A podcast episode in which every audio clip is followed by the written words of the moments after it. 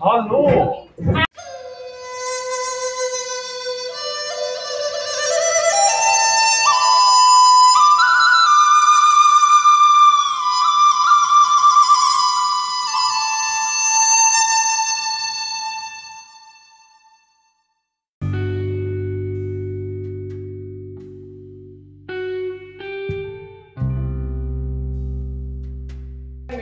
Ja.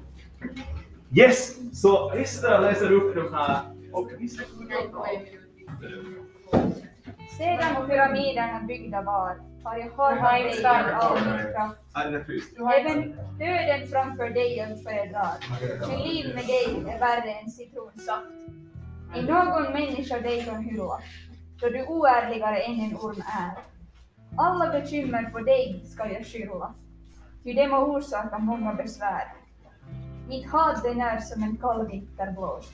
Sakta sliter den tills du sönder eroderas. Ej finns det i världen något så grandiost. Till allt mitt hat kan ej kvantifieras. En värld med dig är elände.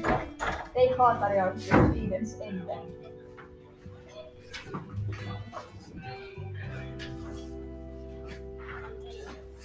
Uppe i himlen lyser en stjärna borttappat ansikte sjunker i en eld.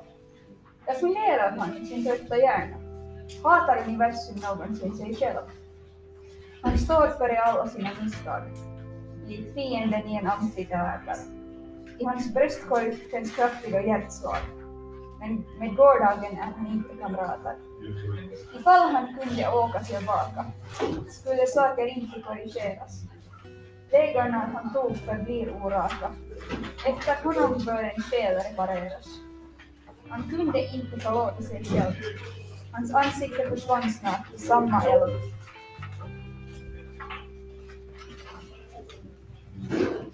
Jag känner mig som en vissnande blomma. Mitt torftiga liv går långsamt mot sitt slut. Mina fickor är ändå nästan tomma Månetiden är inne för ett gott slut. Jag önskar att dö som en äkta man. Men min krösa till kropp är inget att ha. Som tappra Achilles som ingen övervann. Att jag är veklig kan jag ingen bedra. För ett par dagar sedan frös jag konstant. Nu känns det som inne var vinner. Jag är onekligen vid livets kant. Därav jag ingen hål längre finner. Även fast jag vet att jag kommer att dö är jag inte alls beredd att säga adjö. Du får nästan fast livet.